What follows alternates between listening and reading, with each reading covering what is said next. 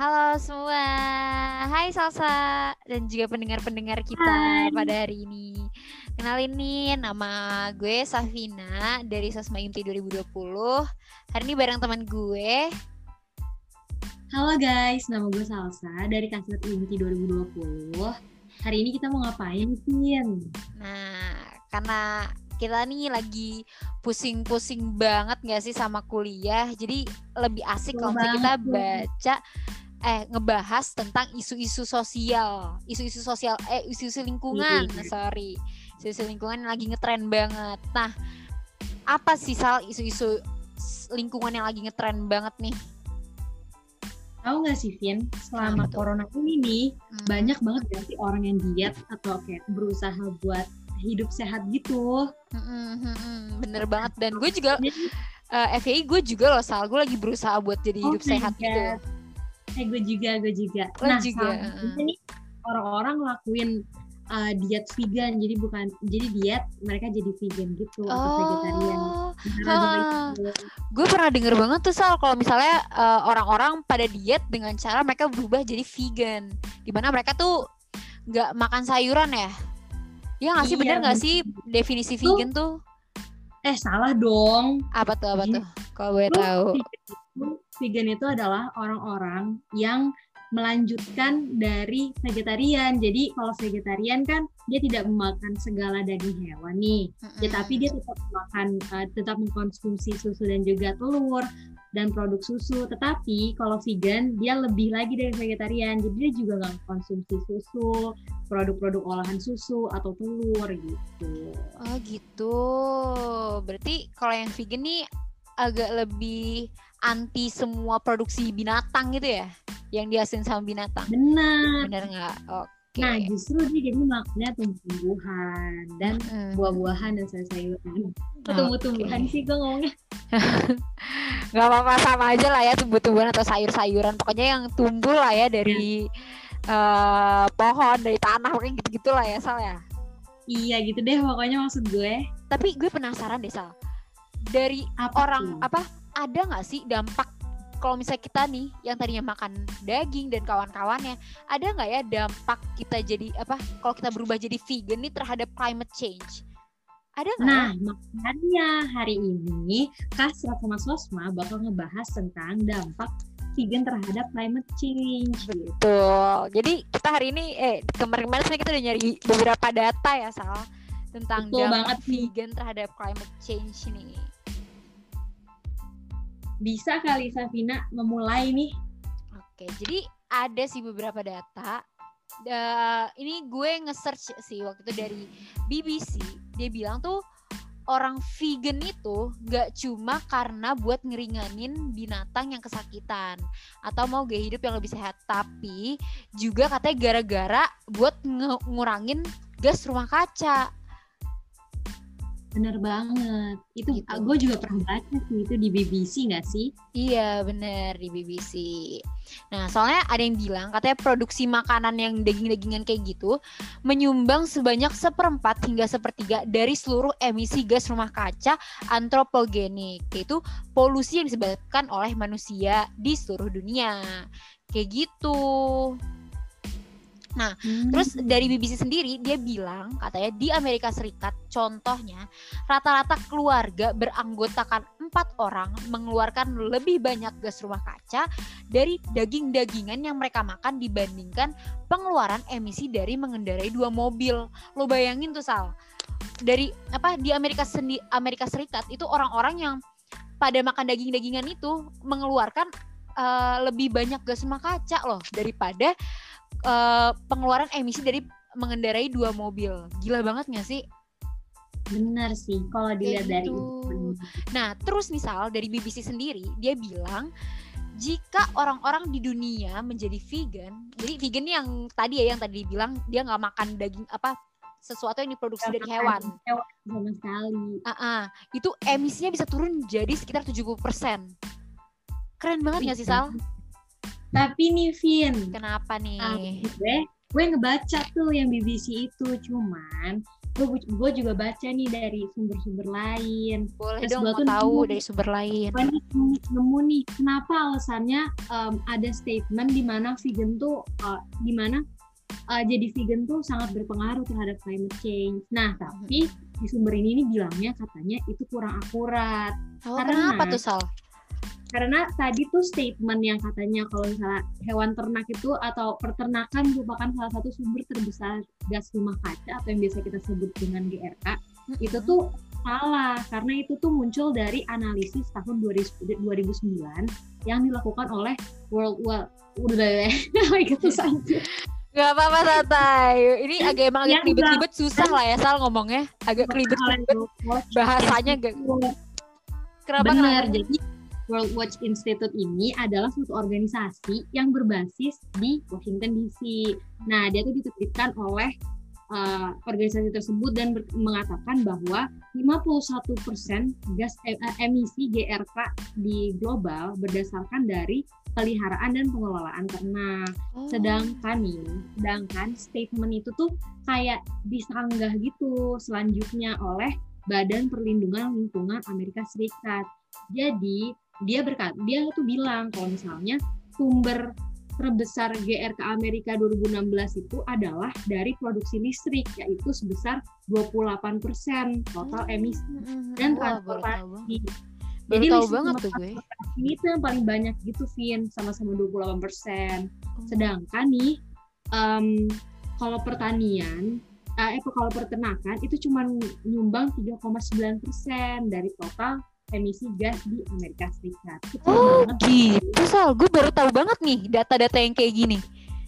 Nah iya, gue juga sempat gue juga sempat bingung sih pas baca pertama kali ini kok kayak kok kayak beda gitu. Mm -hmm. Nah alasannya itu alasan terjadinya perbedaan um, data dan juga statement dari uh, kedua pihak ini adalah karena terjadi kesalahpahaman dari mengapa uh, dari terjadi kesalahpahaman dari uh, Organisasi Pangan dan Pertanian Perserikatan Bangsa-Bangsa atau FAO tahun 2006. Jadi mereka tuh menerbitkan sebuah penelitian berjudul Bayangan Panjang Peternakan yang mendapat perhatian luas secara global. Nah, di situ mereka nge-state nih kalau misalnya hewan ternak memberikan kontribusi sebesar 18% emisi gas rumah kaca di dunia.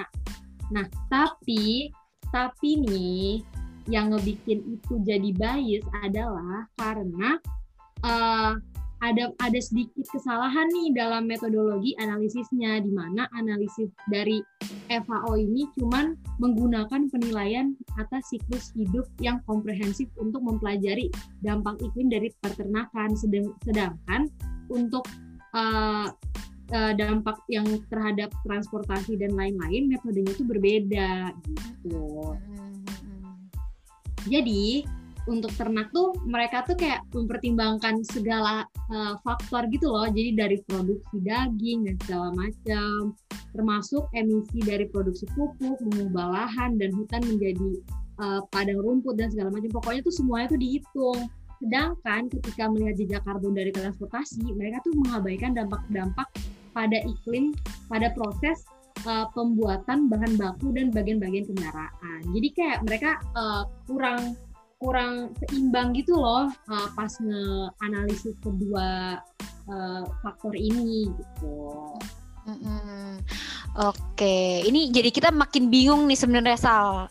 Jadi, jadi kayak pusing kita nih. Uh, uh, mending gue mau bahas lagi nih dari apa uh, dari sumber yang gue temuin lagi nih Sal. Hmm? Biar kita makin tahu nih meng, apa kesimpulannya jadi apa sih ini sebenarnya uh, vegan terhadap climate change gitu. Gue bahas lagi dari sumber yang gue baca lagi ya soal yang lain. Boleh, itu, boleh. Uh, ada sebuah penelitian yang dipimpin oleh para ilmuwan dari Oxford Martin School. Dia itu menemukan bahwa dengan beralih ke diet vegetarian atau bahkan hanya dengan mengurangi konsumsi daging untuk memenuhi kesehatan itu bisa membantu merubah keadaan emisi gas rumah kaca dalam jumlah yang besar. Kayak gitu. Hmm. Nah, terus dalam tiga dekade nih, emisi dikaitkan dengan pertanian dan produksi makanan yang cenderung menyumbang sekitar setengah dari penyumbang karbon dunia dengan jumlah karbon dioksida yang dilepaskan ke atmosfer. ketika pembangkit energi, transportasi, dan bangunan tuh udah lama menjadi target para pemerintah, bisnis dan penggerak makanan untuk mengurangi emisi, sering kali tidak memperhatikan dampak dari produksi makanan. Nah, hmm. terus uh, dengan mengikuti pedoman kesehatan dalam mengkonsumsi daging dapat memangkas emisi yang berhubungan dengan makanan hampir sepertiga pada tahun 2050. Itu menurut penelitian tersebut loh Sal. Sementara dengan menjadi vegetarian dapat menurunkan emisi sebesar 63%. Gede banget nggak sih Sal? Kalau misalnya kita berubah jadi vegetarian. Nah, jumlah ternak di dunia telah menjadi sebuah penyebab utama dalam emisi gas rumah kaca mengingat bahwa produksi metana yang dihasilkan oleh para hewan dan lubang lumpur besar yang berada di peternakan besar. Kayak gitu, Sal. Ini menurut dari Oxford Oxford Martin School.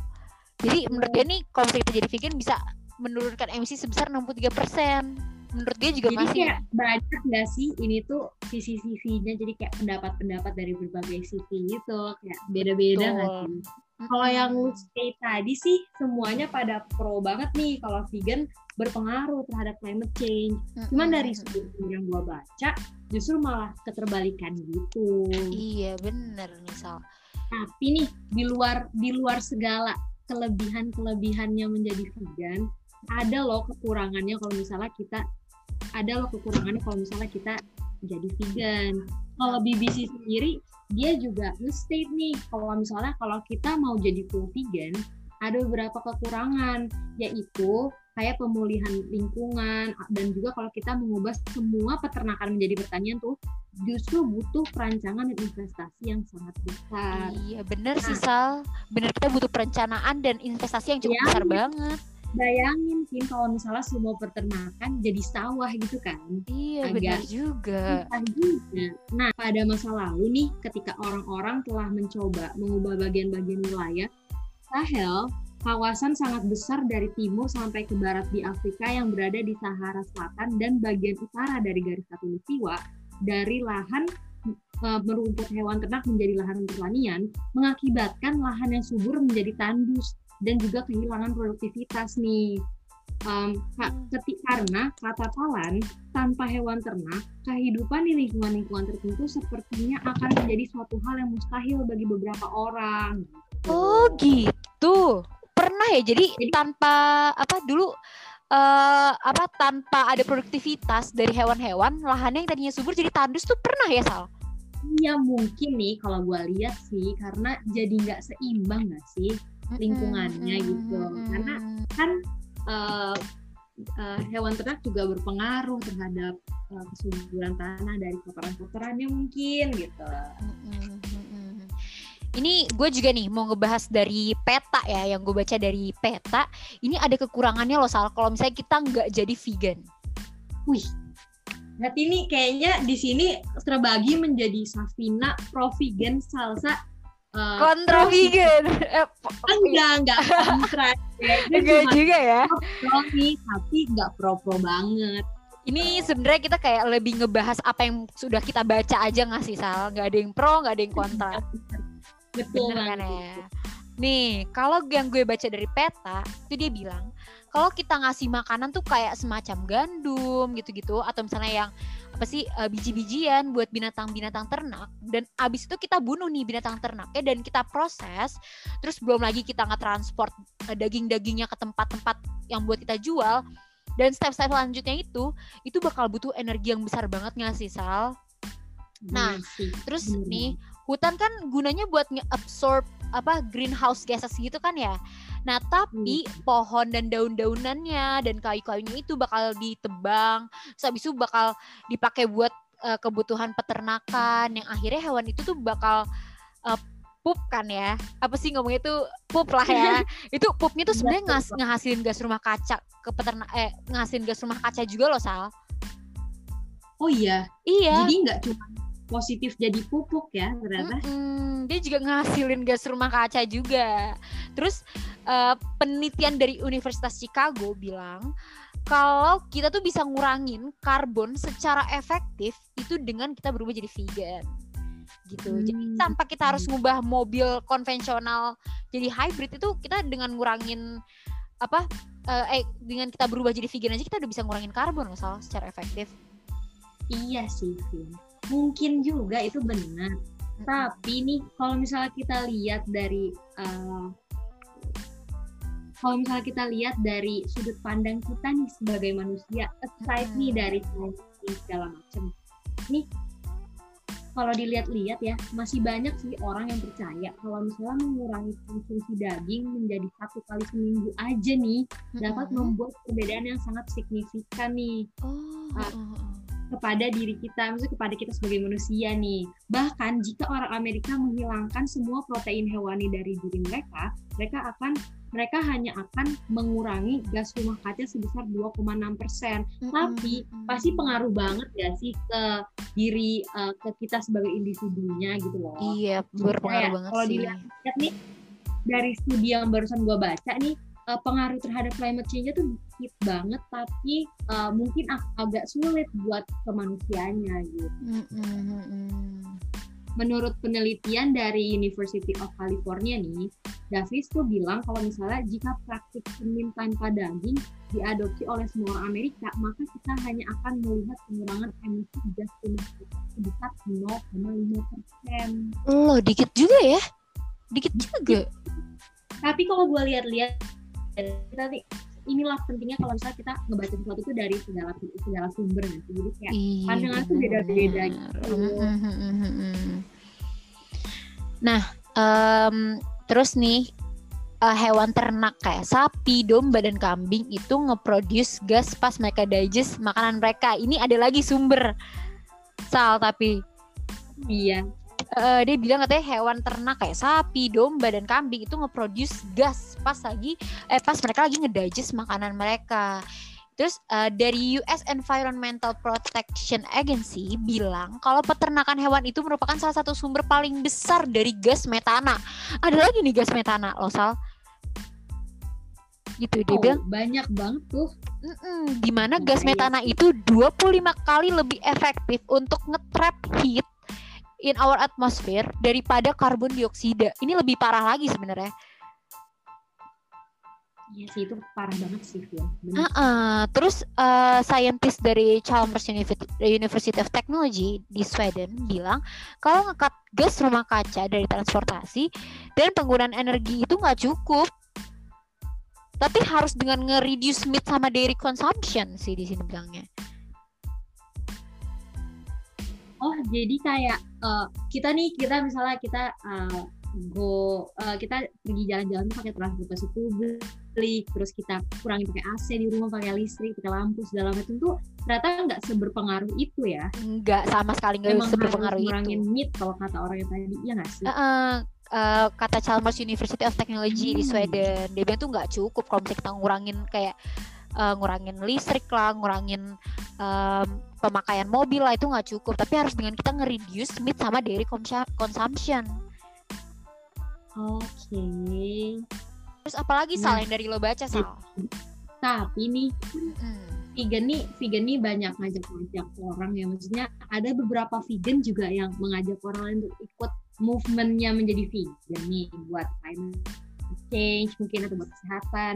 Nah itu tuh menurut sumber yang gue baca nih adalah solusi utama untuk perubahan iklim yang, megaba, yang mengabaikan beberapa faktor dalam argumen mereka termasuk seperti pertimbangan terkait emisi gas rumah kaca, penggunaan air dan lahan, monokultur, makanan yang dimodifikasi secara genetik. Karena kan kalau vegan makanannya dimodifikasi dong. Hmm, dimodifikasi benar-benar. Pertimbangan uh, pertimbangan iklim dan budaya serta penggunaan pupuk nih. Lebih lanjut nih, pola makan vegan yang tersebar luas eh, yang tersebar luas memungkinkan ada kemungkinan besar membutuhkan uh, pengangkutan yang signifikan untuk produksi dalam jumlah besar yang yang membawa beban banyak emisi karbon sebagai hasil dari jarak makanan itu. Jadi oh. karena nih dari sumber yang gue baca, kan nggak semua tempat nih bisa ditanemin makanan gitu loh bisa ditanemin uh, buah-buahan sayur-sayuran jadi transshipment dari satu tempat ke tempat lain itu justru ngebikin uh, lebih banyak uh, gas rumah kaca yang terprodu yang terproduce gitu loh untuk oh. transshipmentnya oh, oh baru tahu nih gue oke okay, oke okay. terus uh, menurut uh, sumber ini juga nih, dia tuh bilang kalau misalnya monokultur memiliki efek negatif yang sangat signifikan terhadap ekosistem. Ketika keanekaragaman hayati menurun, kualitas tanah berkurang. Persis banget nih sama yang tadi lu bilang, kualitas iya, tanahnya tuh jadi berkurang ya tadi ya berdasarkan Ya. siapa tuh yang di mana tadi tuh? pokoknya. Terus um, jadi dia bilang nih kalau misalnya uh, kualitas tanah ini bakal berkurang seperti halnya kemampuan ekosistem untuk bergenera bergeneri oh my god gue nggak bisa banget ya ngomong Gak Ber- apa-apa Sal. Emang agak susah kali ya ini lo ngomongnya jadi bahasanya belibet-belibet nih. agak agak ribet nih kayaknya jadi ini tuh oke gue ulang nih ya Kualit, uh, jadi menurut data yang gue denger nih monokultur memiliki efek negatif yang signifikan pada ekosistem ketika keanekaragaman hayati ini menurun, kualitas tanah bakal berkurang sama seperti yang tadi dibilangin sama Safina nih. jadi kayak, Uh, jadi nggak seimbang gitu kali ya. Jadi uh, seperti halnya tersebut, nah kemampuan ekosistem untuk beregenerasi dan menjaga dirinya sendiri di setiap musim baru juga akan berkurang. Nah, para vegan tuh harus, kalau menurut data ini ya, bukan menurut gue nih, kalau menurut Iya. sumber ini, para vegan ini harus mengakui kerusakan lingkungan yang disebabkan oleh pertanian monokultur yang telah terjadi dan akan terus meningkat secara inheren jika lebih banyak orang mengandalkan uh, vegan Uh, seperti pertena- pertanian kedel- pertanian kedelai, gandum dan bahan pokok vegan lainnya untuk dibudidayakan secara komersial. gitu. Oh, oh, oh, oh, oh. masih banyak sih dari sumber ini yang bilang kalau misalnya eh, banyak nih efek-efek negatifnya juga dari kalau misalnya kita pengen nih banyak orang jadi vegan. Mm. Jadi menur- menurut lo gimana nih Vin? Kesimpulannya apa nih? Apa nggak ada kesimpulan ya? Aduh, Karena- kalau ada sih Sal kesimpulannya. Boleh, mau lo yang ngomong apa gue nih Sal kesimpulannya? Deh, lu yang ngomong deh. Oke aja. Kalau menurut gue nih Sal, kesimpulannya sektor peternakan itu memang berdampak terhadap lingkungan. Hal ini tuh dikarenakan emisi metana yang dihasilkan dari hewan-hewan ternak. Namun, perlu kita ketahui nih teman-teman bahwa peternakan tuh bukanlah faktor utama dan terbesar dalam terjadinya gas rumah kaca. Karena hal ini Hmm. tuh udah dibuktikan dari eh, berdasarkan banyak penelitian dan studi terkait. Nah, bahwa eh, hanya menyumbang dikit terhadap emisi gas rumah kaca kayak gitu. Terus eh mau lo tambahin gak nih Sal? Lu aja deh, selesaiin. Aja, Oke. Terus diketahui juga bahwa faktor-faktor seperti transportasi dan listrik justru lebih berdampak buruk terhadap lingkungan. Di samping kecilnya dampak yang dihasilkan oleh perilaku vegan, justru terdapat efek samping yang terjadi apabila semua jenis makanan berubah menjadi veg- vegan. Oleh karena Hmm. itu, perubahan pola makanan menjadi vegan bukanlah cara yang paling tepat untuk menanggulangi masalah lingkungan, teman-teman. Oke. Ini Hmm. sih masih kesimpulan yang dari kita bahas tadi ya, Sal. Mungkin kalau teman-teman ada kesimpulan sendiri atau punya ada eh, baca sumber sendiri, bisa kali ntar komen komen aja atau mungkin bisa DM di Instagram Sosma eh di Instagram Imti gitu ya, teman-teman ya. Iya boleh. Nih makanya itu nih supaya kalian juga taunya lebih nggak bias, gue ngajak teman-teman semua nih buat baca-baca lebih lanjut juga. Jadi nggak cuma dari dengar sini doang. Dan Ah, juga betul. jangan lupa nih kalau misalnya emang kalian tertarik itu sama climate change nih, jangan lupa nih ikut Onar Exocare tanggal 21 November 2020 via Zoom. Betul banget teman-teman. Pokoknya Jauh jangan banget. lupa datang ya, biar makin makin tahu gitu nggak sih Sal? Bener, jadi nggak kayak dari kita gini loh, dari orang yang lebih ahli gitu. Karena Mm-mm. pembicaranya tuh keren-keren banget nih temen-temen. Jadi sayang banget kalau misalnya kalian nggak datang, soalnya jadi pungut biaya sama sekali kalau misalnya kalian nonton. Betul banget Sal. Karena kalau dari kita kan agak kita masih agak bias dan kurang akurat gitu ya Awam Sal. nggak Awam nggak sih kita tuh? Iya betul. Kurang lah. Mm-mm, gitu sih teman-teman. Jadi sekian kali ya dari kita ya Sal. Ya sekian deh dari kita. Uh, makasih banget nih udah mau dengerin sampai lama banget gini. Semoga kalian semoga kalian makin uh, tertarik deh sama isu ini dan juga jangan lupa dibaca-baca dan ikut onar exofair Betul. Jadi jangan eh jangan lupa datang ke Onar Exofair Onar 2020 ya Zoom.